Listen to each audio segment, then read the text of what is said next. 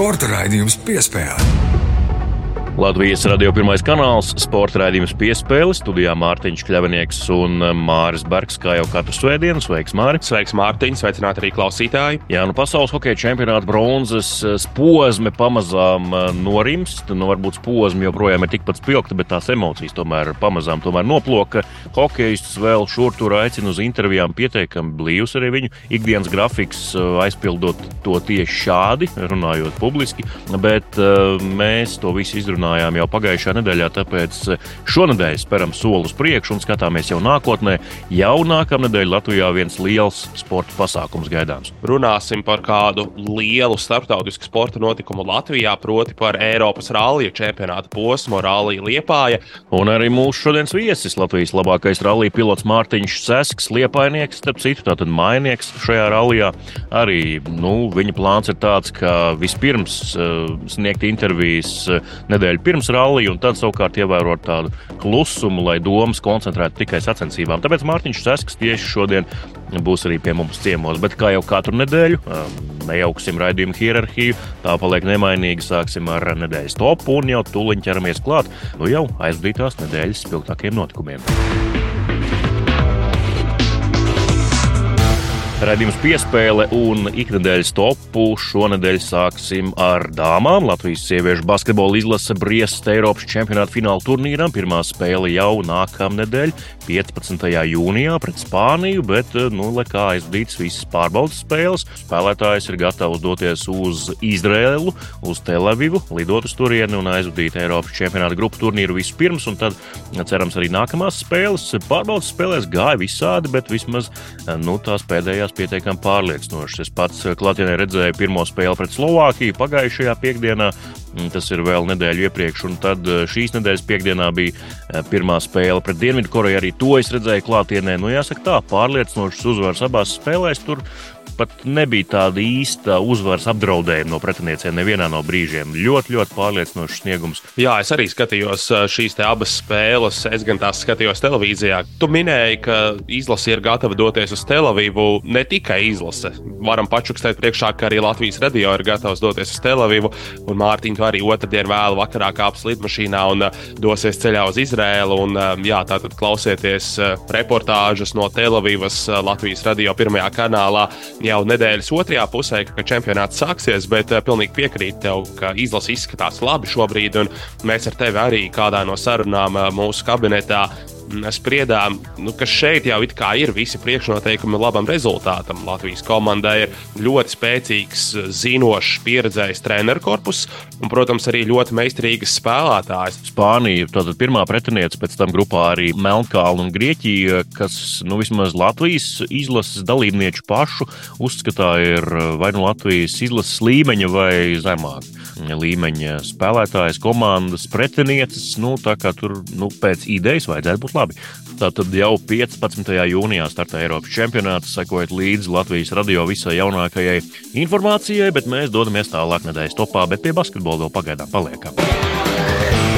Un nākamā pieturvieta nedēļas spilgtāko notikumu topā Latvijas vīru basketbola izlase tikai rītdien uzsāks treniņus, gatavojoties pasaules kausa izcīņai, un tie arī būs tādi, kuros piedalīsies tikai tālākie rezervisti. Viens cilvēks uh, joprojām ir apņēmības pilns spēlēt pasaules kausā, lai gan uh, vēl pavasarī ievadā likās, ka nu, nekādu cerību. Tas ir neviens cits kā uh, Latvijas izlases, nu, es nebaidīšos šī vārda līderis, Rihards Lomašs, viens no līderiem, protams, bet viņam, jā, tā tad tad um, smaga kājas trauma pavasarī un likās, ka viss tur jau nekādu cerību, nekāds pasaules kausa, bet Rihards pats ir apņēmības pilns un tūliņ tūliņ uzsāks arī treniņus ar kontaktu. Tas jau šķiet, ka ir ārkārtīgi daudz sološi. Jā, nu, ceļgala krustinisko saišu plīsums tā ir viena no smagākajām traumām vispār, kāda var būt kājām, un arī vispār smaga trauma profesionālajā sportā, un atlapšanas laiks ir ilgs. Un, jāsaka, godīgi, mēs ar tevi arī, Rihardu, norakstījām, ņemot vērā vienkārši to, kāda ir pieredze profesionālajā sportā, ne tikai Latvijas, bet vispār profesionālajā sportā, arī globāli tieši ar šo traumu atvesļoties tik īsā laikā, tur runa ir par sešiem, septiņiem mēnešiem, lai tu būtu gatavs paspēt sagatavoties. Tas nevienmēr izdodas, respektīvi, tas procents, lai tas sanāktu, ir mazs. Bet uh, Rihards, kā viņš ir izteicies pēdējās intervijās, uh, jūtas labi, apsteidz savu atvesaļošanās grafiku. Tāpēc jāatliek tagad jau turēt īkšķus. Protams, Rihards Lomačs būtu ārkārtīgi, ārkārtīgi vērtīgs pastiprinājums. Ja viņš vienkārši tur varētu būt, varbūt ne gluži simtprocentīgs, bet uh, kaut vai tuvumā, kaut kur savai labākajai formai, jebkurā gadījumā būtu ļoti vērtīgs papildinājums, kaut vai nākot no soliņa, kā viņš to arī kvalifikācijā darīja. Bet, uh, ja nu kāds ir pelnījis tādu nu, labu apstākļu sakritību, kārtību un e, tādu neordināru, ļoti ātru atvesļošanos, tad tas noteikti ir Rihards Lomašs šajā konkrētajā situācijā. Nu, nezinām, kā veiksies Jānis Strelniekam. E, viņš arī, piemēram, bija arēnā Rīgā piekdien, kad Latvijas sieviešu izlases aizbija pārbaudas maču pret Dienvidkoreju. Laukuma malā sēdēja kopā ar Dāvu Bertānu, kas par vecvagaru, bet, e, nu, nezinu, kāda viņam sportiskā forma ar staigāšanu viss bija kārtībā, bet kā ir ar skriešanu un mešanu pa grozu, tas ir liels jautājums jautājums. Piespēle. Nākamā top pieturvieta - Ledus hokeja, Nacionālā hokeja līnija. Joprojām nav noskaidrota Stanley Kausa čempioni. Um, tur finālā cīnās Teodors Bļūgers un Lasvegas Golden Knights, kā arī Mārcis Krasovskis un Floridas Panthers. Mārcis, kā zinām, no viena no iepriekšējiem raidījumiem Floridā veido digitālo saturu tās arēnā, bet tā tad arī nu, ir viens no Stanley Kausa pretendentiem, jo viņš ir Floridas komandā, kā viens no zobartiņiem, bet ne par to šoreiz Elis Merzīkins aktīvi trenējas, cik var noprast no sociālās saziņas vietas Instagram, lejas viedrus, dažādas aktīvas, dinamiskas mūzikas pavadībā un ķer bumbiņas, skrien sprintus, izrāvienus un tā tālāk. Bet uh, viņa pārstāvētā Nacionālās hokeja līnijas komanda Columbus Blue Jackets bīda kauliņus uz galda tā, lai komandas aizsardzība nebūtu caurstaigājumā sēta, laikam nākamā sezona vai tā māra. Jā, no Kolumbusē pirmkārt jau aizvadītajā sezonā bija vienkārši šausmīga trauma epidēmija. Viņi ļoti daudz spēļu, vai teiksim, angļuiski man games, zaudēja tieši traumu dēļ. Viņiem bija viena no smagākajām situācijām visā līgā. Un viens no aizsardzības līderiem, Zaks Vērens, kas izkrita tur daudz spēlētāju, izkrita Kolumbusē sezonas gaitā. Tagad uh, komandas ģenerālmenedžeris Jārmo Kekelainens izskatās ir apņēmības pilns uzlabot aizsardzību.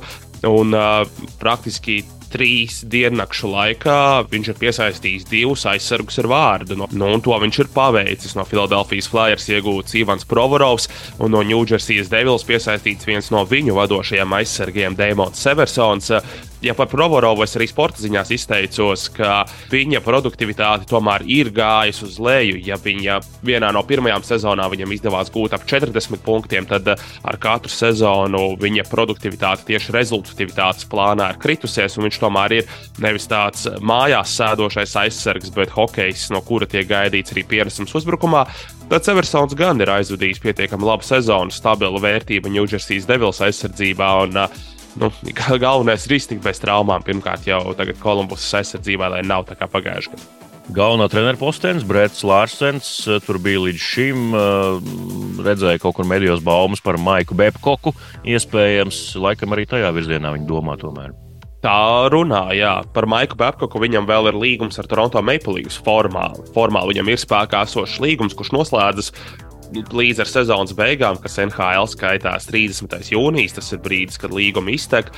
Un tad, tad, jā, tad arī Maiks Babkoks varēs oficiāli parakstīt jauno vienošanos. Nu, tiek runāts, ka viņš ir tas galvenais favorīts uz Kolumbusas Jackets galvenā treneru posteni. Iepriekš izskanēja runas arī par Patriku Roā, leģendāro kanādiešu vārdsargu, Monreāls Canadiens, Colorado Avalanche leģenda. Kā būs, nu, to mēs redzēsim. Bet no Elvis arī, protams, viņam ir jāiegūta liels darbs lai, lai viņš būtu atpakaļ. Jo aizsardzība, vismaz uz papīra, Kolumbusai jau izskatās pietiekami labi. Skatoties, teiksim, pirmie divi aizsargu pāri, un tad arī kāds ir aizsargu dziļums. Tagad jautājums, kā vārdsargs spēs spēlēt. Jo, nu, atzīsim, protams, aizsardzība bija slikta, bet uh, Elvis arī laida taurinīšus biežāk nekā vajadzētu. Vērosim, kā veiksies Kolumbusas Blue Jackets gan starpsezonā, gan arī, protams, pirmssezonas pārbaudas spēlēs un sezonas ievadā, bet līdz tam vēl tālu. Tāpēc liekam punktu šim tematam un ātri dodamies tālāk nedēļas topā.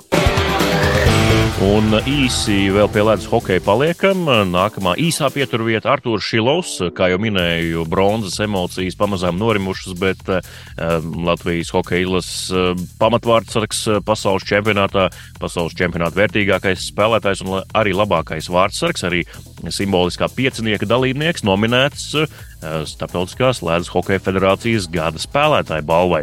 Atklāti sakot, atzīšos par šādu balvu dzirdēju pirmo reizi, bet labi, ka tāda ir.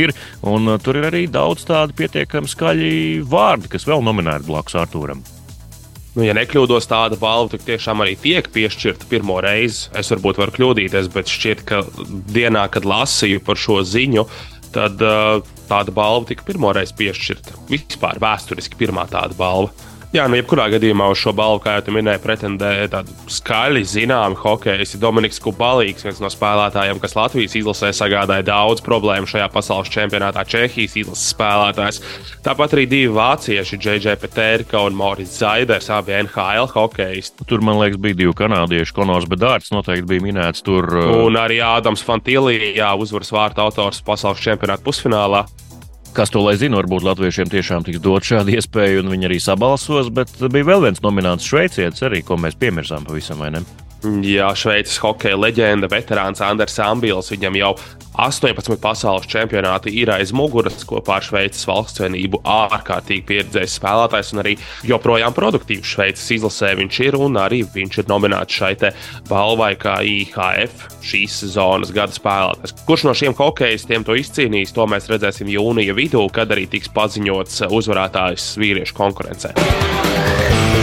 Un eh, mūsu pēdējā top pieturvietā - Somijas pēc spēka otrā līga mestis eh, nākamā sezona bez zemgājas komandas. Visticamāk, joprojām kaut kāds mazs vēdlodziņš esot atvērts, bet ārkārtīgi sīks un maziņš. Tāpēc arī komanda oficiāli ir paziņojusi, ka nākamā sezona nebūs mestis dalībnieku pulkā, lai nu, neliktu līdzjutējiem žurnālistiem vēl kādam gaidīt. Nu, vismaz sarunā ar mani, Aivars Zeltiņš, komandas direktors, sacīja, ka nu, visa uzmanība nākamā sezona tiks koncentrēta tā sauktējam Baltijas čempionātam, kur arī plānots, ka atgriezīsies Kurbada komanda, pievienosies kāds Igaunijas klubs, būs Latvijas komandas, Lietuvieši.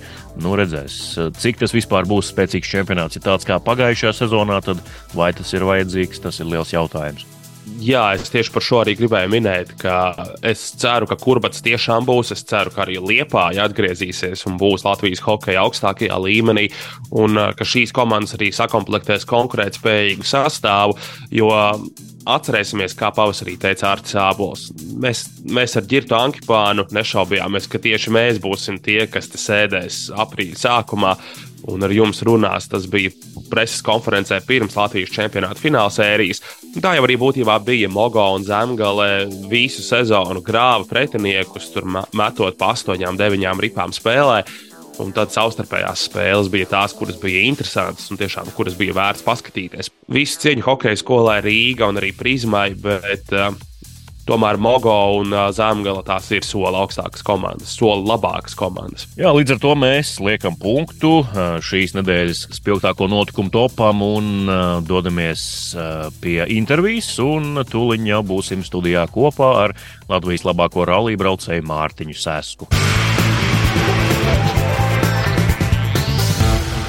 Piespēle.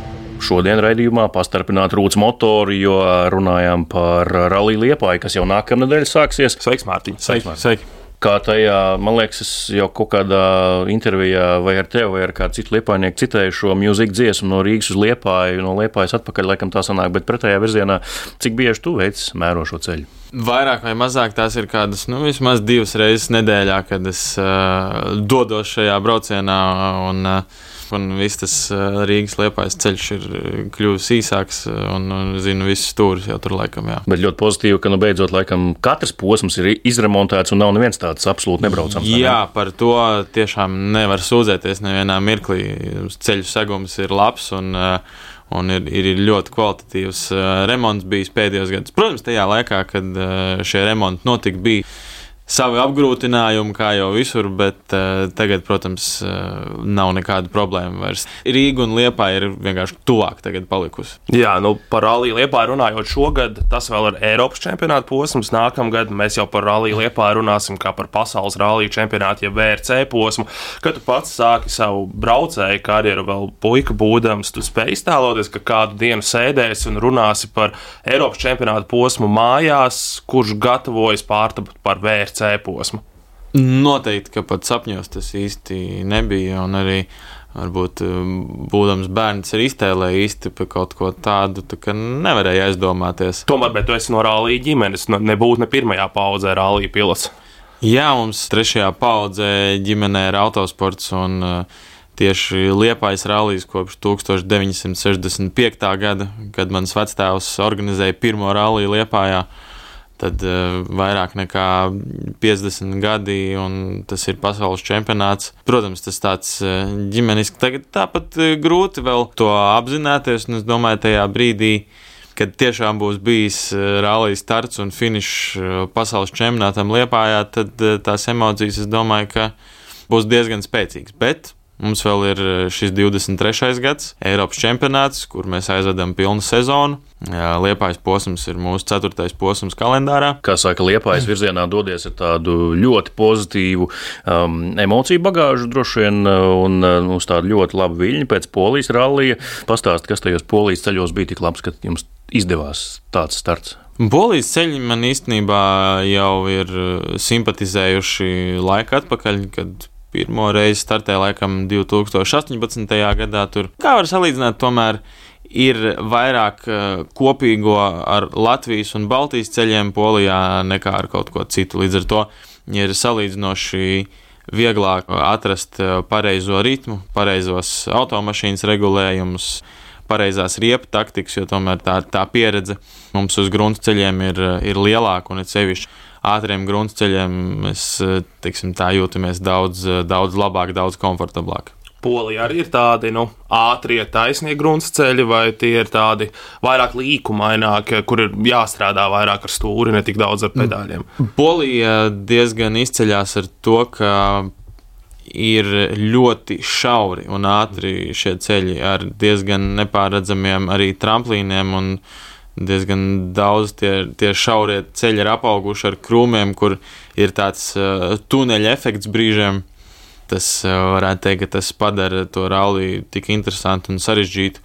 Jo ir daudzas vietas, kur tu paļaujies uz, uz stūrmani, paļaujies uz saviem instinktiem, jo ir ielikās anglicismos saucam par blind corners vai nu, nepārredzamiem, neredzamiem līkumiem, kur tev vienkārši ir jāpaļaujas uz to. Ir pareizi stenogrammā pierakstīts, stūrmens ir pareizi nolasījis, un tā vieta arī tāda ir. Vēl paturpinot un pabeidzot varbūt šo tēmu par Poliju, tad kā tu pats uzreiz pēc finiša arī izteicies, tad tā bija tāda nu, liela pārliecības deva pašiem jums ar Renāru Franci, ar tavu stūrmani uzvara Polijā un pie tām pārliecinoši tur ar daudzām uzvarām atsevišķos posmos un tā tālāk tas iedod tādu lielu pārliecību, ka spējat būt ļoti ātri ne tikai Latvijas ceļos, ne tikai Grāns ceļos, bet arī citur. Jā, jau sezonas pirmajā posmā Portugālē mēs jau lēnu garu gājām uz šo pārliecību.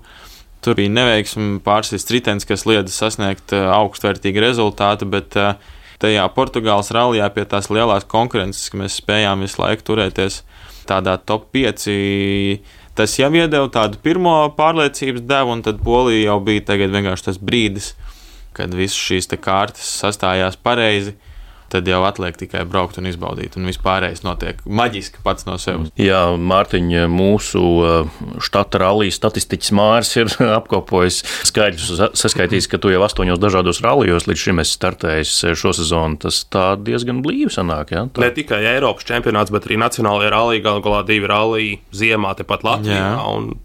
Manuprāt, sanāca astoņi, cik es skaitīju tagad līdz tā. šim brīdim. Tas tāds labs ritms, ko uzņemt. Tas ir labs ritms, taču arī tajā pašā laikā ir pietiekoši sarežģīts mums kā braucējiem, komandām, un tāpat arī finansiāli tas ir pietiekoši sarežģīti. Treniņu ceļošanas izdevumi, treniņu izdevumi, dažādas citas lietas, pie kā mēs aktīvi cenšamies strādājam un, un meklējam partneri. Tāpēc arī šis polijas čempionāts ir, ir viena tā vieta, kur mēs cenšamies atrast kaut ko jaunu. Protams, esot visu laiku mašīnā, kā mēs sportisti sakam, to ir silts. Tu esi visu laiku bijis apritē, braucis sacensības, un loģiski, ka uzreiz iekāpjot mašīnā, es labā formā un ir vieglāk braukt. Tā pašā laikā tas, protams, veido nogurumu, veido nedaudz tādu gan emocionālo, gan fizisko izdegšanu, jo tomēr tas viss emociju kopums, kas notiek sacensību laikā, tajā sacensību nedēļā, ļoti liela koncentrācija, mazs laiks miegam atpūtai Tāpat tās visas pārējās emocijas, vai labas, vai, vai netik labas, tomēr paņem daudz spēku. Un tad, ja šie posmi ir ik pa nedēļai, ik pa divām, tad, protams, ir kaut kādā brīdī, kad tas uh, sāk kļūt arī apgrūtinoši. Bet uh, katrā ziņā līdz šim brīdim uh, es domāju, ka arī šis polijas rezultāts eh, nebūtu bijis tāds, ja mēs būtu braukuši mazāk sacensību. Mm. Raimons Pauls ir stāstījis, eh, ka viņam nu, katru dienu jāpaspēlē klavieres eh, vismaz kādu noteiktu stundu skaitu, lai viņš nepazaudētu to savu asumu. Cik tev nu, ir maksimālais laiks, cik tu drīkst sev atļaut nesēsties mašīnā un nebraukt tādā sacensību režīmā, lai nepazaudētu pozitīvo to sajūtu par braukšanu? Ideālā variantā ir, ja vismaz reizi nedēļā izdodas, protams, braukt ar autorāliju mašīnu, autorālijai ceļos, autorālijā ir, ir diezgan sarežģīti, bet uh, tādā ziņā es izmantoju jebkuras alternatīvas, vai tas ir kartings, vai tas ir uh, kāds mazais treniņš kādā slēgtā trasē, vai pat citreiz starpzonā mēs izmantojam uh, simulators. Un jebkas, ko tu vari darīt tajā mirklī, lai tomēr jā, to savu reakcijas atmiņu, visu pirkstu atmiņu uzturētu, Jebkurš treniņš ir ideāls. Simulators tu jau pieminēji, labi, tā ir tāda gatavošanās braukšanai, bet vai ir arī kaut kas, kā tu un Renārs varbūt asināt prātu, nezinu, šahu varbūt spēlēt, lai būtu fokusā un tās smadzenes darbotos tā pietiekami ātri vai kā citi paņēmieni ārpus tiešas braukšanas?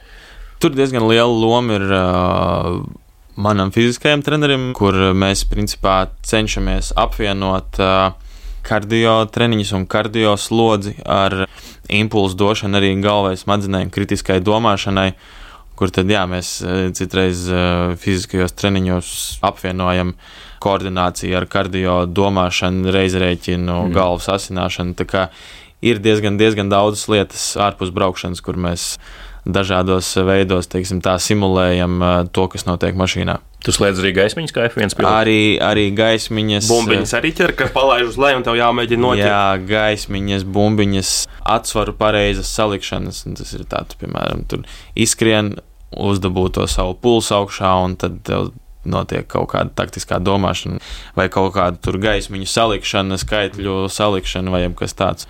Tas dod ļoti, ļoti lielu pēc tam ieguvumu. Jā. Cik mēs ar tevi esam arī iepriekš dažādās intervijās runājuši, jūs ar Renāru pavadāt laiku arī parastā ielas mašīnā, braucot pa ielu un, teiksim, trenējot stenogrammu un šo sadarbību. Tas joprojām tā turpinās intensīvā režīmā, attīstot šo pilota stūrmaņa sadarbību. Jā, pavisam noteikti šī ielas braukšana ļoti strādā, jo tādā veidā jā, slīpējam gan savu sadarbību, gan katru savu individuālo. Jo, tomēr, jā, gatavojot šo informāciju par gaidāmajiem rallija ceļiem, šo saucamo stenogrammu, acis ir jāpiešauj pie precīziem attālumiem pat pie precīzām sajūtām katrā līkumā, cik daudz būs jāgriež, kas būtu jādara sacensību režīmā. Un tad, protams, apkārt mums ir ļoti liela komanda, kas katra ir ieinteresēta, katra šis zobratiņš komandas ir, ir ieinteresēts rezultātam un ir atbildīgs par rezultātu. Sākot no ēšanas,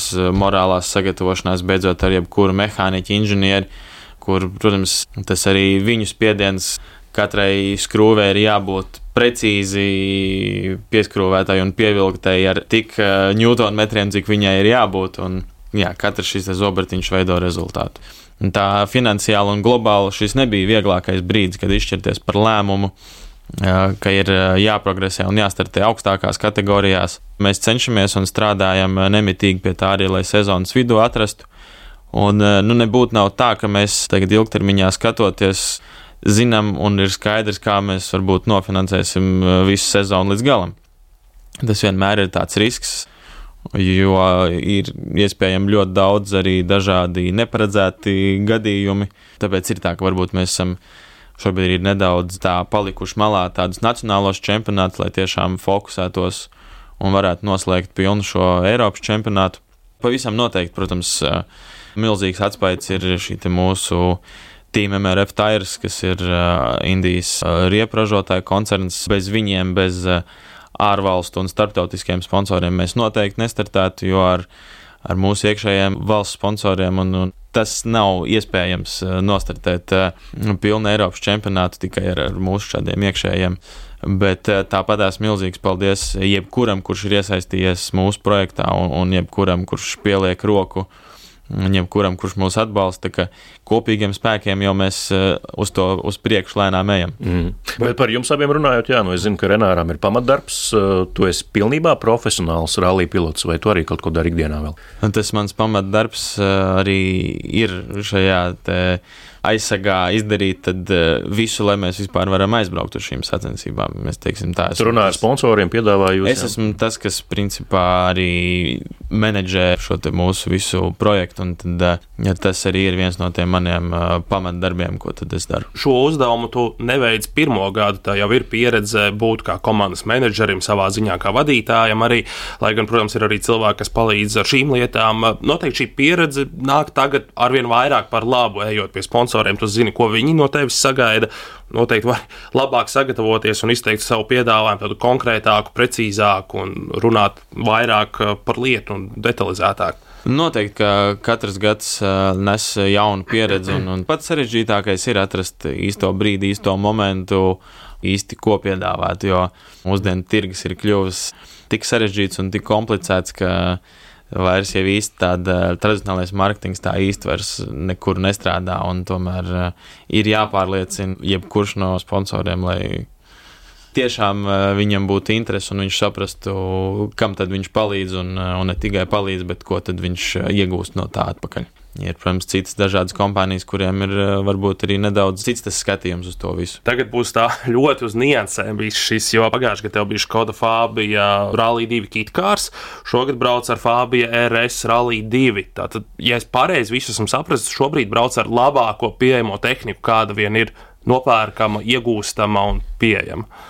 Ja mēs runājam par divu kitu, tad pagājušajā gadā mēs braucām ar eh, divām dažādām Skodas automašīnām. Vēl bija Fabija Evo, tur jā, jā.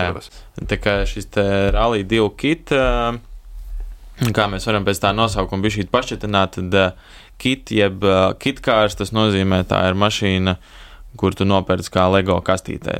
Ir, tur nāk tāds kits.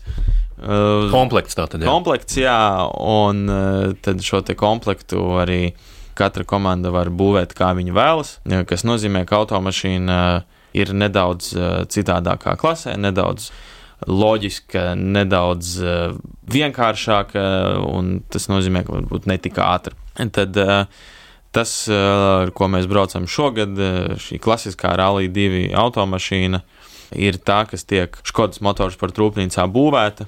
Čehijā, un tad uh, arī nemaz nav tik vienkārši, jebkurš viņu nevar dabūt. Un uh, arī Škoda motorsporta ir svarīgi, lai brauc labākie braucēji ar šīm mašīnām.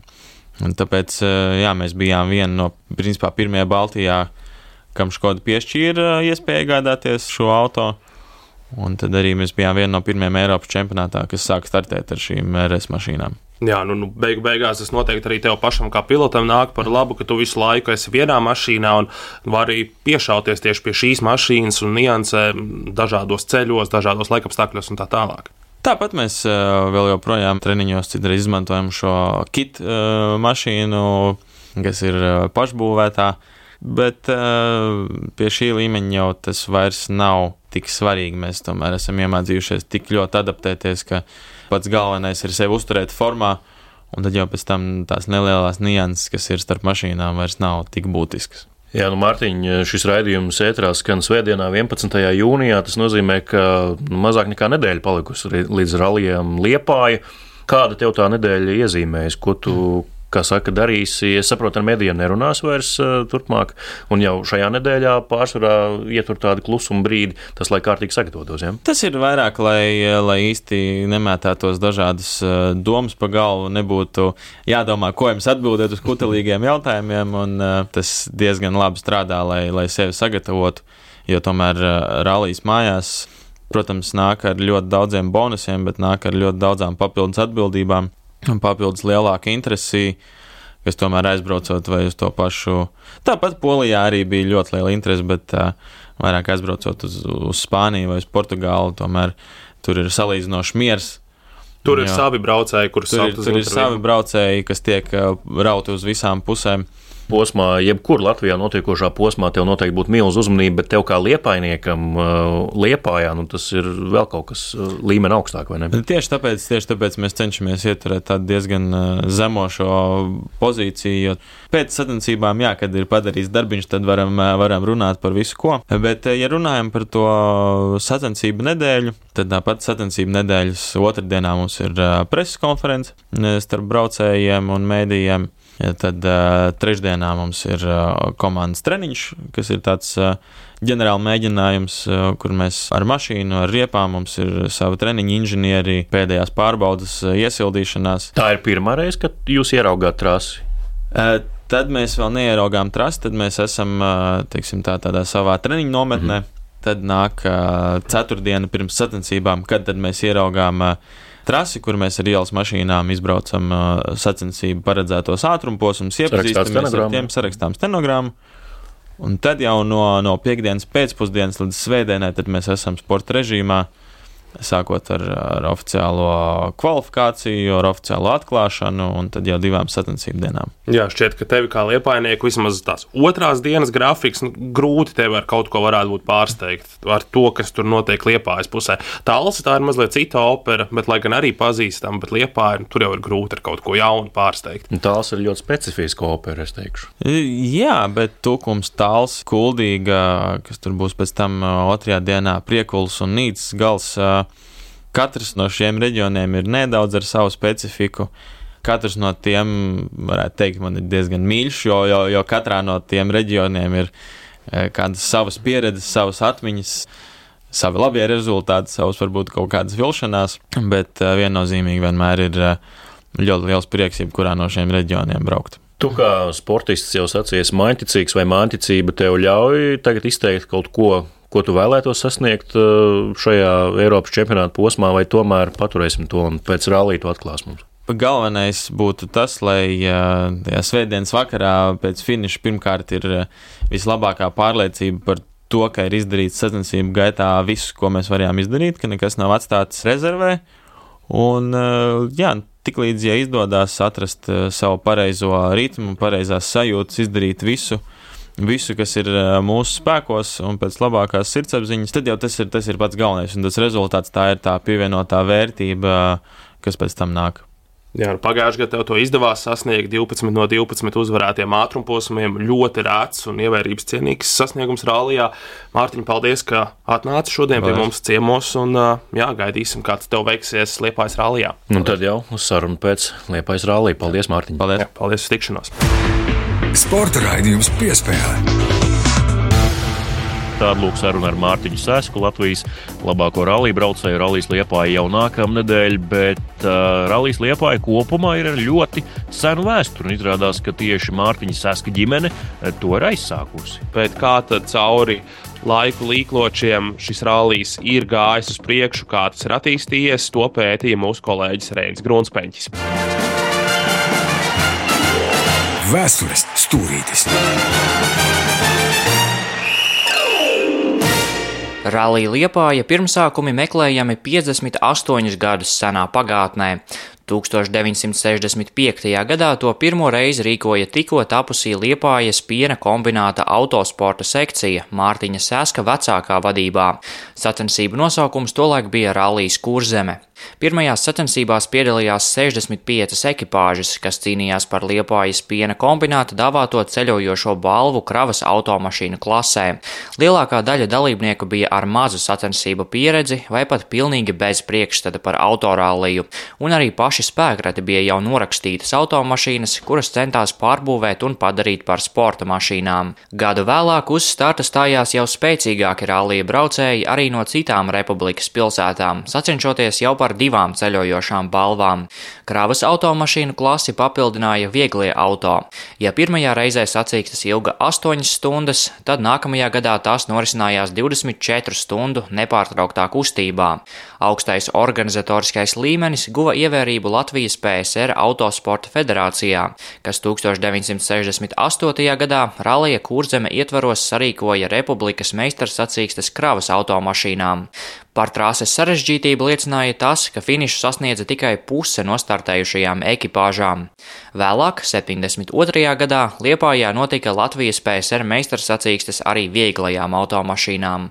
70. gadu vidū radās finansiālas grūtības, kas uz laiku apturēja autosporta attīstību, tomēr 1975. gadā Liepājas pusē notika amatieru rallijas Līgo 75, bet vēl nākamos četrus gadus ralliju dēvēja par Lielais Līgo. Dalībnieku skatītāju uzmundrināta un iedvesmota Liepājas piena kombināta autosekcija 1981. gadā atsāka rallija organizēšanu, sarīkojot vienlaikus Latvijas un PSRS čempionāta posmu Kurzeme 81. Tas bija līdz šim augstākais kurzemes rallija sasniegums. Četrus gadus vēlāk vēlreiz notika tikpat augsta ranga sacensības, piedaloties daudziem PSRS izlases dalībniekiem, bet 87. gadā rallijas kurzeme tika rīkots kā tolaik šķīta pēdējo reizi, jo finansiālu iemeslu dēļ autosporta sekcija tika slēgta. Lielu slavu šajos laikos ieguva leģendārais Vecpils ātrumposms ar savu viltīgo ķirsīša līkumu, ar kuru mašīnas bieži netiek galā un iebrauc pļavā. Tas uzskatāms par slavenāko ātrumposmu visā Baltijā, tiekot dēvēts par Baltijas rallija pērli un rallija augstskolu. Padomju laikos galvenais sacensību rīkotājs bija piensaimnieks Mārtiņš Sasks vecākais, bet pēc ilgāka pārtraukuma un neatkarības atjaunošanas 1994. gadā rallija tradīcija Liepājā atjaunoja viņa dēls Uldis Sasks kopā ar Daināru Dambergu. Pirmais no viņiem vairāk nekā 20 gadus bijis Liepājas mērs, bet otrs bija ilgstošs Latvijas Automobīļu federācijas prezidents. Par rallija kurzeme atjaunošanu jāpateicas autosporta entuziastiem no autokluba Kurzeme, kuru pēc Daināra Damberga un Ulda Saska iniciatīvas dibināja desmit domu biedri. Jau 2000. gadā Liepājā notika Eiropas čempionāta pārbaudas posms. Starptautiskie novērotāji, kuri bija ieradušies no sešām valstīm, rallija trasi un organizāciju novērtēja ļoti atzinīgi, un 2001. gadā rallijas Kurzeme pirmo reizi parādījās Eiropas čempionāta kalendārā. Šāds status tika saglabāts līdz 2003. gadam. Vēlāk sacensības ieguva pašreizējo nosaukumu Rallija Liepāja. Pēdējos desmit gados, kad tās bijušas stabils Eiropas čempionāta posms, trīsreiz uzvaru izcīnījis Krievu pilots Nikolais Grjazins, 2021. gadā startādams ar Latvijas licenci. Divas uzvaras pēc kārtas 2019. un 2020. gadā svinējis Zviedru Norvēģu pilots Olivers Sulbergs. Pareizai uzvarējuši arī Latvijas autosportisti 2016. gadā Ralfs Sirmacis, bet pērn Mārtiņš Sasks. Nākamgad Liepājas rallija vēsturē tiks atšķirta jauna lapuse, pirmo reizi rīkojot pasaules čempionāta jeb VRC posmu un uzņemot pasaules labākos rallija braucējus cīņā par šī sporta veida svarīgāko čempionu titulu. Liepājas rallijs tiks pārdēvēts par Rallija Latvija, un tā maršruts vedīs cauri ne tikai Liepājas apkārtnē, bet arī Talsu, Kuldīgas, Tukuma, un Dienvidkurzemes novadam, kā arī galvaspilsētai Rīgai. Tas būs viens no lielākajiem sporta notikumiem Latvijā nākamajā gadā, un rallija dibinātājs Mārtiņš Sasks vecākais par šādu sacensību statusu pirms gandrīz 60 gadiem varēja tikai sapņot.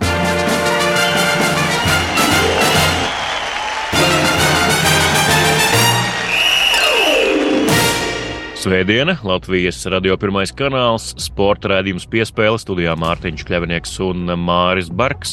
Sakām jums paldies par klausīšanos, dariet to arī nākamā svētdien šajā pašā laikā un vietā, kad būsim atpakaļ un atkal ar jaunām, interesantām sarunām. Ar to šīs nedēļas piespēle arī izskan, un mēs vēl tikai no savas puses, kā ierasts, atgādināsim, ka raidījumu varat klausīties eh, ne tikai lineārajā apraidē, bet arī Latvijas radio arhīvā. Tāpat to varat meklēt arī visās populārākajās raidierakstu jeb podkāstu vietnēs. Jā, un nemainīgi arī nākamā svētdiena tā būs ēterā tiesa. Es būšu Televīvā, bet tas netraucēs mums ar Māriju jums sniegt šo raidījumu, pasniegt uz paplātes, un es domāju, pietiekami garšīgs tas būs. Tāpēc sekojam līdzi sportam un tiekamies jau nākamā svētdienā.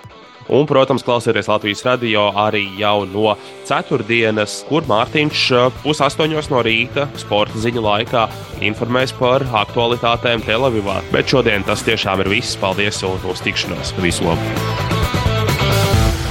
Sporta raidījums piespēlē!